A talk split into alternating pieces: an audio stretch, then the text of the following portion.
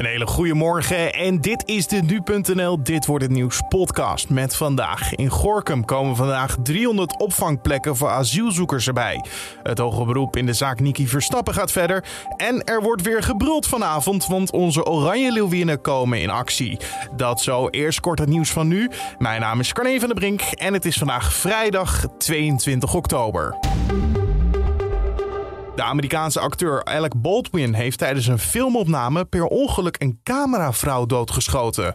De regisseur raakte bij het incident ook gewond. Ze waren bezig met de opnames van een nieuwe western. Daarbij werd een vuurwapen gebruikt dat was geladen met losse patronen. De politie onderzoekt wat er precies is misgegaan. De opnames zijn voorlopig stilgelegd.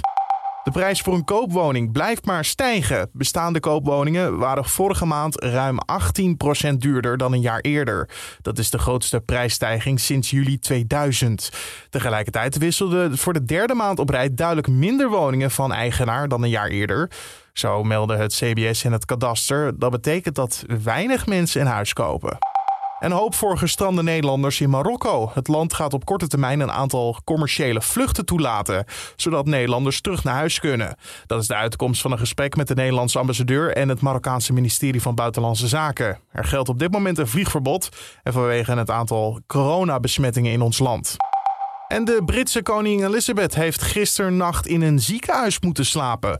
Wat er precies aan de hand is, is niet bekendgemaakt. Gisteren ging het weer beter met de 95-jarige koningin en kon ze weer naar huis.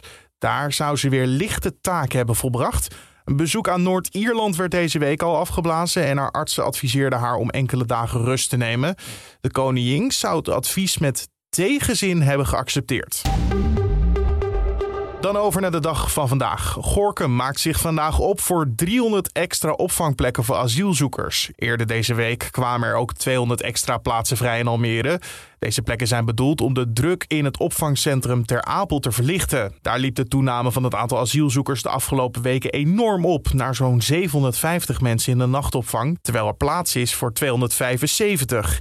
Hierdoor moesten asielzoekers op stoelen en veldbedden slapen. Het COA liet eerder deze week aan nu.nl weten dat er nog 10 gemeenten hebben aangeboden extra opvangplekken te creëren. En vandaag breekt een nieuwe dag aan in de hoge beroepszaak Nicky Verstappen. Vorige week sprak Bekier E in de zaal. Hij heeft een belastende verklaring afgelegd tegen Jos B. De twee zouden in de gevangenis een paar keer met elkaar hebben gepraat. Volgens E heeft Jos B. onder andere verteld dat hij verantwoordelijk is voor de dood van Nicky. B. zelf heeft altijd ontkend iets met de dood van het elfjarige jongetje te maken te hebben. Vandaag komen medische deskundigen in de zaak aan het woord. Zij kunnen meer vertellen over de omstandigheden rond de dood van Nicky. En onze Oranje Leeuwinnen spelen vanavond weer een WK-kwalificatiewedstrijd. Ze spelen tegen Cyprus, wat de hekkensluiter in Pool C is. Oranje staat gelijk met de nummer 1 momenteel in de pool.